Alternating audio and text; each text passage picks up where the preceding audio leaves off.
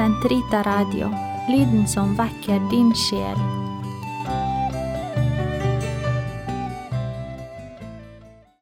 Den katolske kirkes katekisme, uke 38, onsdag 709 til 716. Under kongedømmet og i utlendigheten.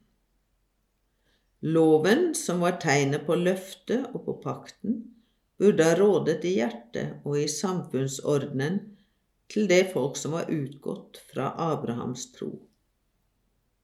Dersom dere nå vil lytte til mine ord og holde min pakt, skal dere være et kongerike av prester og et hellig folk for meg.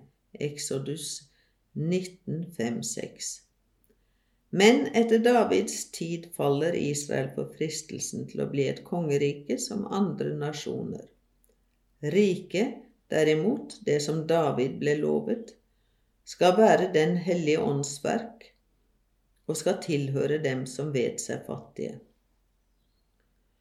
Forglemmelse av loven og utroskap mot pakten fører til døden, det vil si utlendigheten. Tilsynelatende brudd på løftene, i virkeligheten den frelsende Guds hemmelige trofasthet og begynnelsen på en gjenopprettelse som var lovet, men ifølge Ånden. Det var nødvendig for Guds folk å gjennomgå denne renselsen. Utlendigheten har allerede korsets skygge over seg i Guds plan. Og den lille rest fattige som vender tilbake fra den, er et av de tydeligste forvarsler om Kirken. Forventningen om Messias og Hans ånd. Nå skaper jeg noe nytt. Jesaja 43, 19. To profetiske retninger trekkes nå opp. Den ene ser i retning av forventningen om Messias, den andre i retning av løftet om en ny ånd, og begge løper sammen i den lille rest, de ydmyke i landet, som venter i håp om Israels trøst og Jerusalems forløsning. Vi har tidligere sett hvordan Jesus fullbyrder profetiene om ham. Her skal vi begrense oss til dem som tydeligere viser forbindelsen mellom Messias og Hans ånd. Ansiktstrekkene til den ventede Messias begynner å tre frem i Immanuel-boken. Den gang Esaiah så glansen av hans herlighet. Johannes 12, 41, i særdeleshet i Jesaja 11, 1-2. En kvist skal skyte fra Isais stubb. Et skudd renner opp fra hans røtter. Herrens ånd skal hvile over ham, ånden med visdom og forstand, ånden med råd og styrke, ånden som gir kunnskap om Herren og frykt for ham. Messias trekk gis først og fremst til kjenne i Herrens tjeners sanger.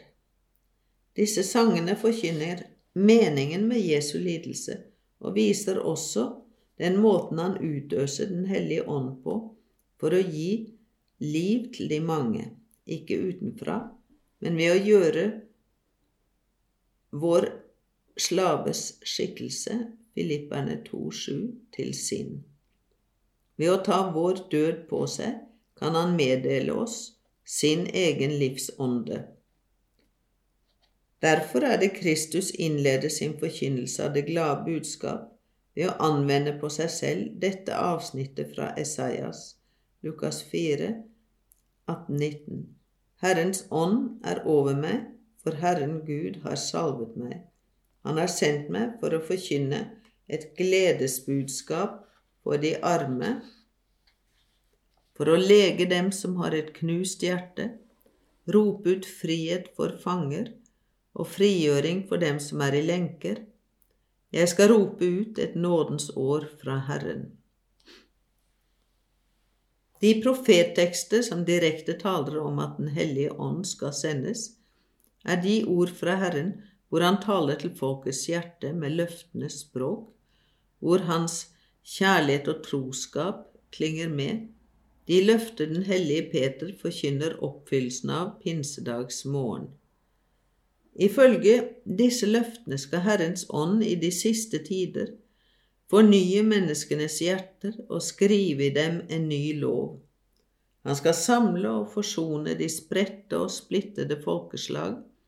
Han skal forvandle det første skaperverk, og Gud skal bo blant menneskene i fred. De fattiges folk, de ydmyke og fredsommelige, de som er fullstendig overlatt Guds hemmelighetsfulle rådslagninger, de som venter rettferdighet, ikke fra mennesker, men fra Messias, er til syvende og sist det storverk Ånden i hemmelighet er sendt ut for å virke i løftenes tid, for å forberede Kristi komme. Deres hjerter renset og opplyst av Ånden, er det som kommer til uttrykk i salmene.